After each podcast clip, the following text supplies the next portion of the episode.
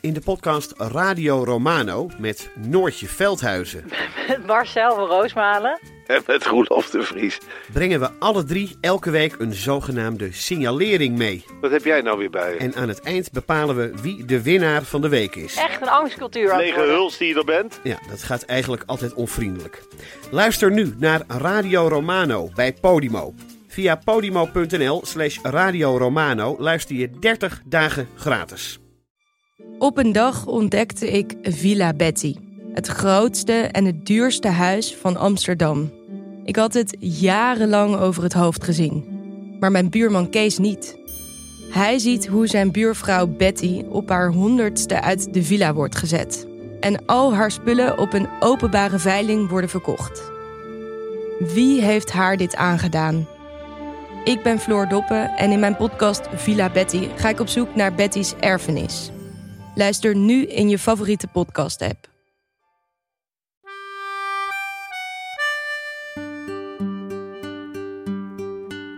Dit is Man met de microfoon met echte en bijna echte verhalen. En mijn naam is Chris Baayema. Paulien, je komt terug van de. Coronateststraat. Vertel.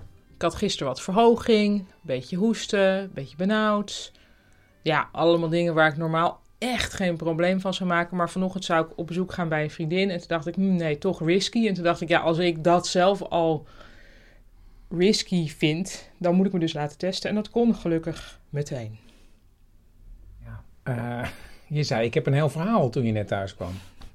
Oh, ik dacht dat jij een, een vraag ging stellen van... En hoe, en hoe was dat dan voor jou? Ja. En hoe was dat dan voor jou? Nou, het was zo gepiept. Ik ging erin met het tweede deel van het pianoconcert van Ravel. En toen ik wegreed, was nog maar net het derde deel van het pianoconcert van Ravel begonnen. Dus zo kort duurt het als je dat in je hoofd hebt. Wat heel grappig was, was dat ze dus eerst... ging eerst met zo'n wattenstaaf in mijn keel eigenlijk. En ik zo...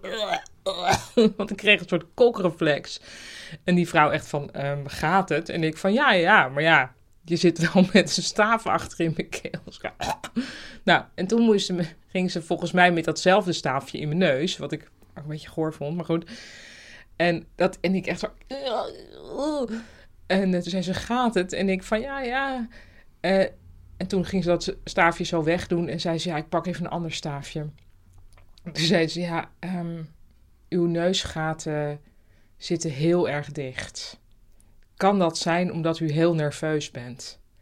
En ik van, nou, nee, denk ik. ik. Tenminste, ik denk niet dat je zelf van binnen je neusgaten uit... Dus ik, nou, nee.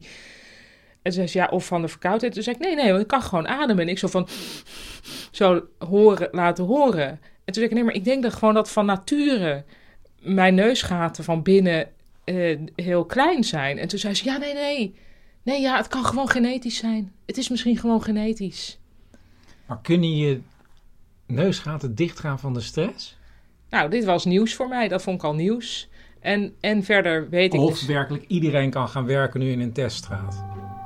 Nee, het was Oh. gewoon een heel competent iemand. Die toen dus een heel klein staafje daarmee heel diep in mijn neus ging poeren. Want mijn neus is van binnen heel klein en delicaat.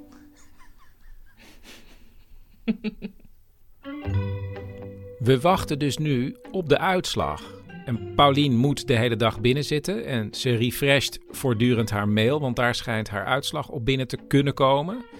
En eh, van ons tweeën ben ik dan degene die naar buiten mag om boodschappen te doen. En ik las dat vandaag het aantal besmettingen boven de 10.000 is gekomen per dag.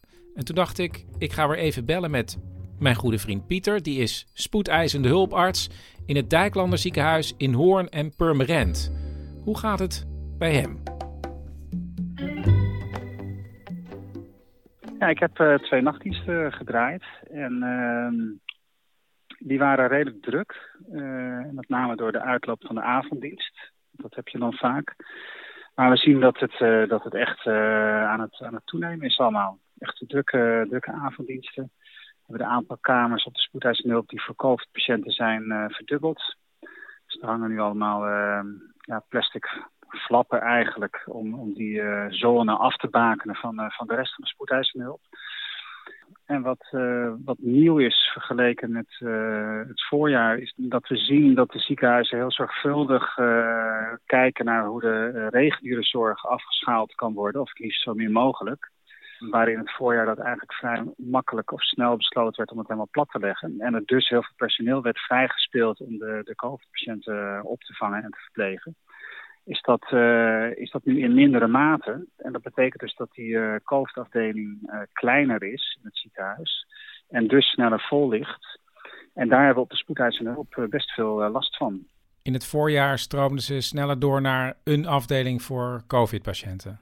Ja, dus volgens mij, maar ik heb de getallen even niet helemaal helder op mijn netvlies, maar volgens mij zitten we nu met aantallen per dag nog onder de aantallen in, het, in de piek van het voorjaar. Uh, maar het voelt uh, soms haast wel drukker. Omdat we de patiënten gewoon niet, niet sneller door kunnen schuiven. En dat geeft, een, ja, dat geeft best wel een, een, druk op personeel. Ja, en hoe zit het eigenlijk met COVID onder het personeel? Is dat al aan de hand? Ja, helaas is er vorige week iemand ziek geworden en positief getest. Dus we hebben in onze vakgroep van 15 SCH's nu één zieke. Er zijn groepen in het land die, er al meer hebben. Uh, van chirurgen weet ik het ook in ons ziekenhuis dat een aantal positief getest zijn. Um, en van verpleegkundigen ook. Dus, dus dat gaat nog wel een, uh, een, ding worden in de zorg de komende weken. Dat er uh, veel personeel gaat uitvallen of verplicht in quarantaine moet. Dus dat, uh, dat, dat gaat dan best wel pittig worden. En dat gaat dus ook iets betekenen voor het uithoudingsvermogen. Of we het allemaal een beetje vol gaan houden. Ja, want hoe lang gaat dat duren? Dat weet je natuurlijk ook weer niet. Nee, wat, wat dat betreft uh, is het zorgpersoneel zijn, zijn net burgers. We zitten in hetzelfde onzekere schuitje. Ja. Dus ja, dat, dat, dat is wel weer een parallel naar, naar het voorjaar. Van ja, we moeten toch uh, proberen goed voor, voor elkaar en onszelf te zorgen en fit te blijven. Want het, het kan best wel eens lang gaan duren allemaal.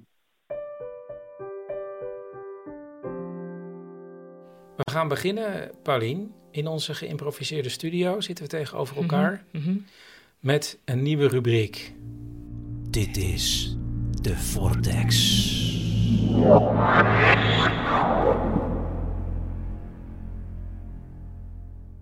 Paulien, leg jij even uit, wat is eigenlijk een vortex? Uh, nou, zoals wij het gebruiken, uh, de we zeggen heel vaak zat je weer in de vortex. En dat betekent dat je heel erg op één onderwerp aan het googelen bent en er alles over wil weten ineens. En het is heel moeilijk om daar ook weer uit te komen. Ik had het zelf bijvoorbeeld afgelopen week met een bepaalde trui die Lady Diana heeft gedragen.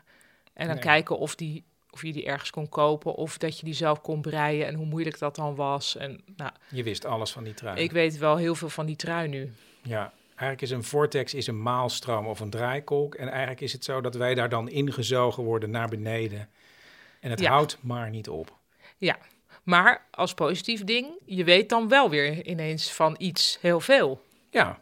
Want het is niet een soort, het is niet een soort rare internetfuik dinges van... Stomme filmpjes. Het, heeft niks met mindless filmpjes kijken. Nee, het is wel... jij hebt het ook met mij kunnen delen. Ja.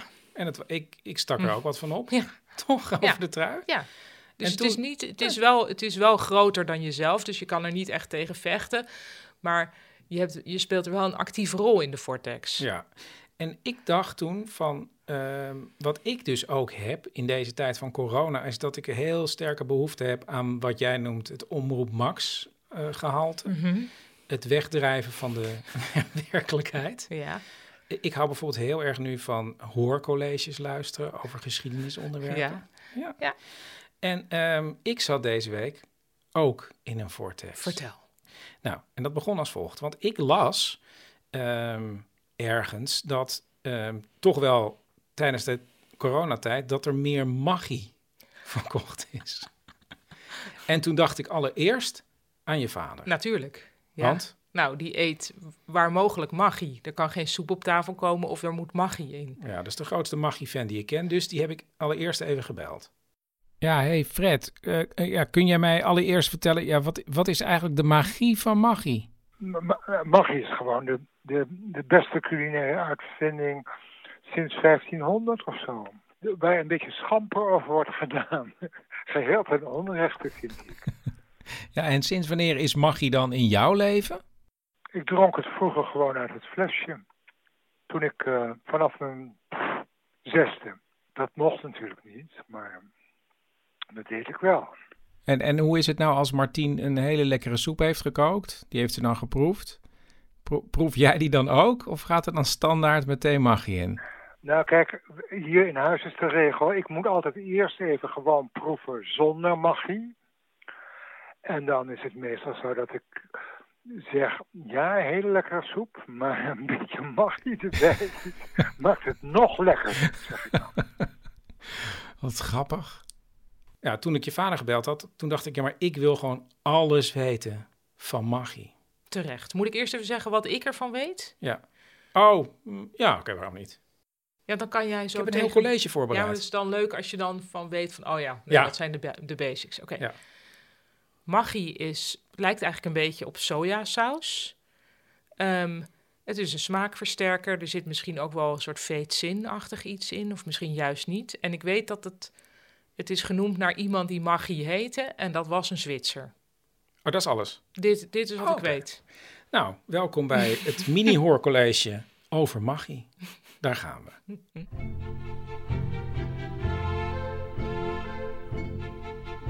Eh, magie komt inderdaad, eh, de naam is van een meneer. En die heette Julius Maggi eigenlijk, een Zwitser. Maggi? Nou ja, hij had een, Maggi. nee, hij had Maggi. een Italiaanse vader. Oh, een soort Jody Maggio. Ja, en een Zweedse moeder. Dus eigenlijk zou je moeten zeggen Maggi.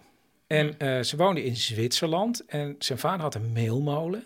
En, en Julius, die deugde eigenlijk niet. Die ging van school naar school. Mm. Maar het is uiteindelijk toch goed gekomen. Waar ik me dan ook hè, als zoon Ja. van een puber aan vastgrijp. Als vader van een Als puber. vader, ja, als vader van een puber.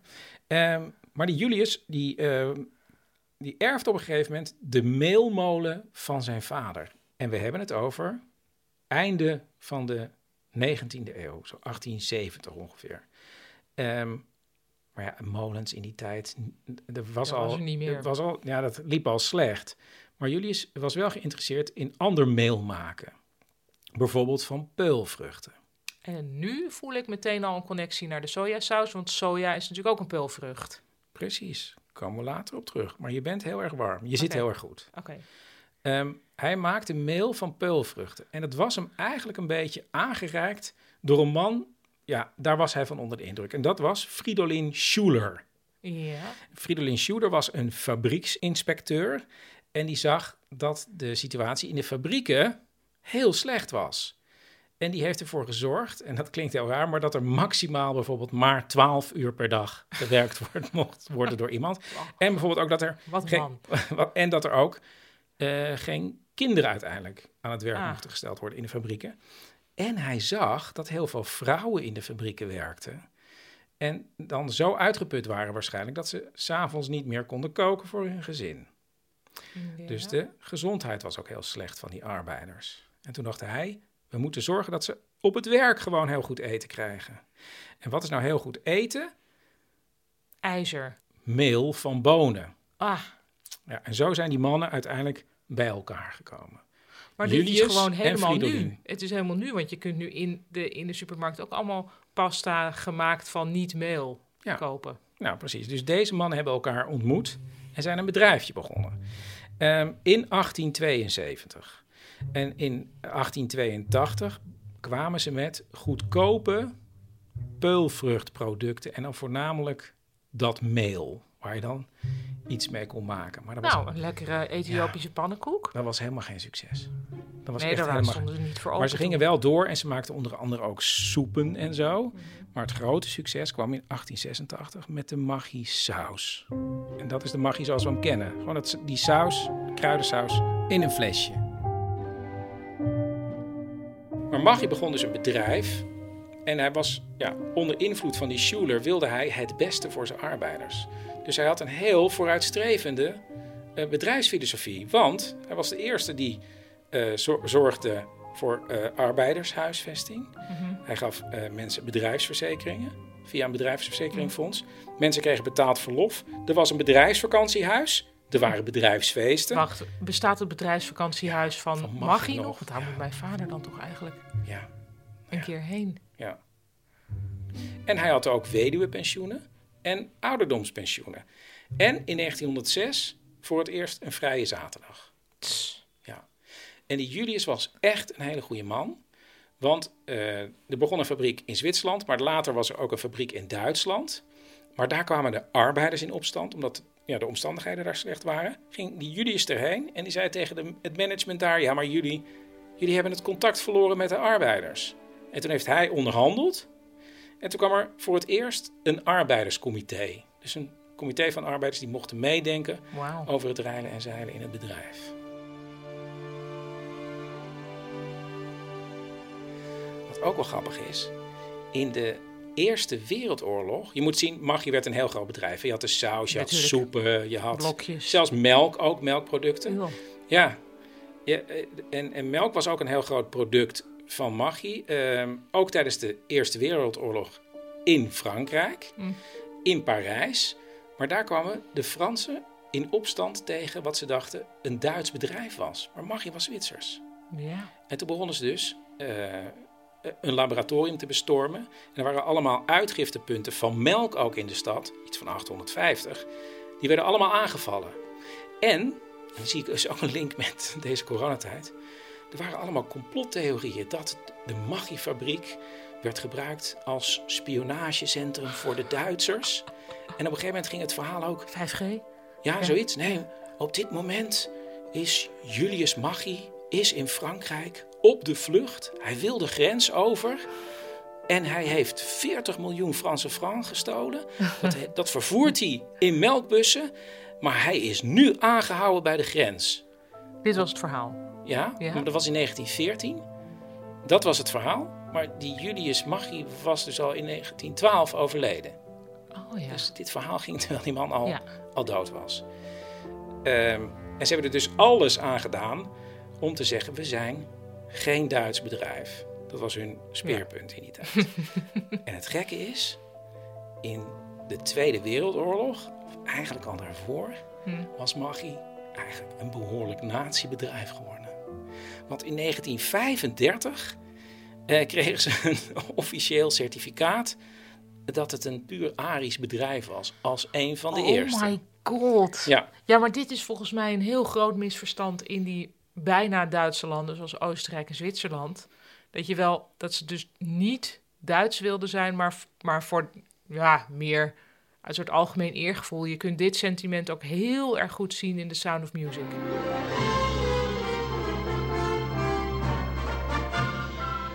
Waar het ook helemaal niet gaat over antisemitisme. gaat alleen maar Oostenrijk moet Oostenrijk blijven. Er wordt, er wordt niets gerept over ideologie.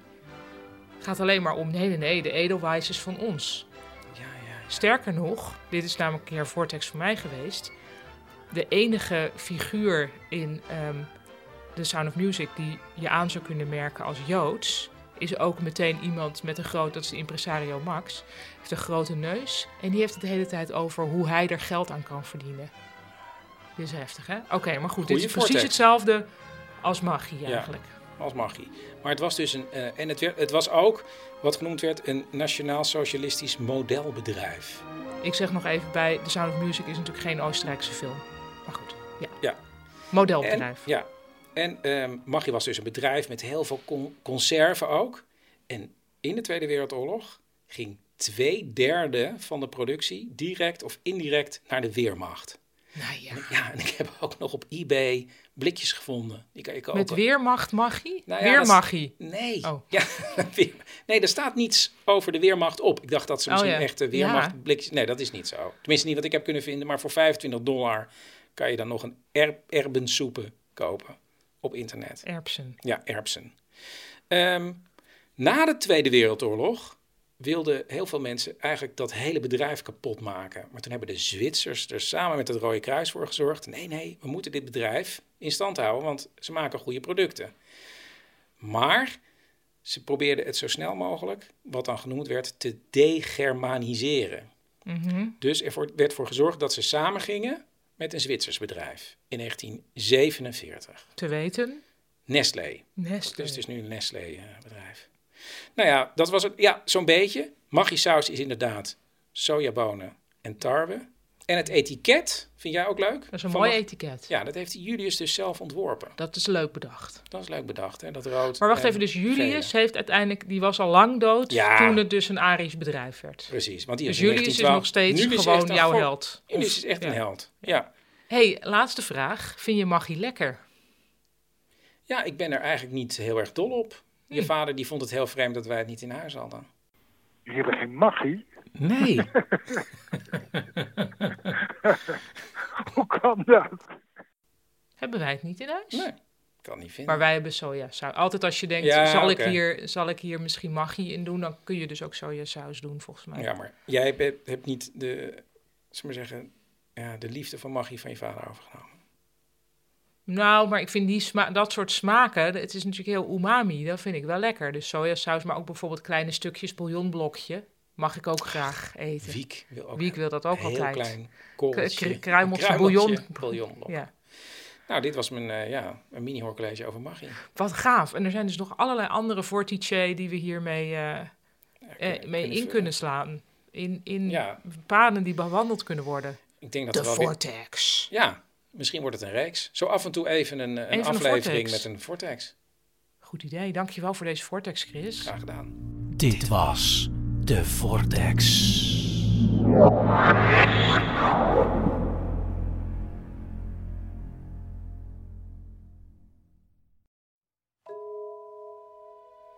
Hallo Christian, met tante Lidie spreek je. Tante Lidie? Tante Lidie van de Hyacintweg nummer 9. Oh, mevrouw de Bruin? Maar waarom belt u precies? Ehm, nou, ik las dat één op de vijf naasten niet meer op bezoek gaat in het verpleeghuis. Wacht even hoor. Hè, zit u nu in, ver- in een verpleeghuis? Nee, nee, dat zit ik niet, maar, maar er komen ook geen naasten meer op bezoek. Maar we zijn toch helemaal geen familie? Ja, alle moeders in de buurt waren toch tante? Nou, De tante Wil, de moeder van Bas, en tante Koosje, de moeder van Cor, weet je wel? En tante Els, de nou moeder van... van... ik vond het als kind al heel vreemd. Ik, ik was, maar u was zeker geen tante. De- de- uw kinderen waren al bijna het huis uit. Een tante is een tante. Nou ja, ik bedoel, sommige moeders van vriendjes zeiden tante als het over andere moeders hadden. Ja, ik ben daar sowieso geen fan van. Nou, er is overigens ook helemaal geen officieel bezoekverbod, hoor. Dus je kan gewoon komen. Mevrouw de Bruin, Tante Lidie, hè? ik was vroeger bang van u. Ach, dat is nergens voor nodig. U heeft mijn. Barba Papa bal met een mes lek gestoken. Ja, maar die kwam voor de tweede keer over de schutting op mijn gazon. Op U mijn... heeft 16 messteken in de familie Barba Papa gezet en hem weer over de schutting gegooid. En ik droom nog wel eens over u, mevrouw de Bruin, en dat zijn helemaal geen prettige dromen. Nou, ik, ik, ik heb hier dus over nagedacht. En? Want ik wist dat dit wel eens een gevoelig punt zou kunnen zijn. Nou, dat lijkt me wel. Die bal. Luister. Ik heb hier naast me een nieuwe dergelijke bal. Nu niet met Barbara Papa, maar met een hondje in een brandweerkostuumpje. En die is voor jou. Maar mevrouw de Bruin, Waar het dus nu om gaat. Ik woon in een seniorenwoning in Noordwijk. Helemaal alleen. Ja, maar... En je kan toch gewoon een, een, een- even langs wippen. Een, een kopje koffie of zo. Of een klein praatje. Of een- Mevrouw de een- Bruin, we hebben elkaar 40 jaar niet gezien. Nou, dan werd het toch ook wel weer eens tijd, En niet? waarom ik? Ik heb een, een, een nieuwe bal. Een rode. Maar ben ik dan echt de enige nog? En ik die- heb een Ah, heel lief konijn voor je. heeft u mijn konijn in de fik gestoken? Ik ben eenzaam, Christian. Mevrouw de Bruin, ik vind dit heel eng. Ik wil dit niet. Wacht even, weet jij misschien nog wie onze postbode toen was? Die met de rode baard. Mevrouw, Heette die Bart de Wijk? mevrouw de Bruin, van Wijk? ik ga nu ophangen. Dag, Christian. Over.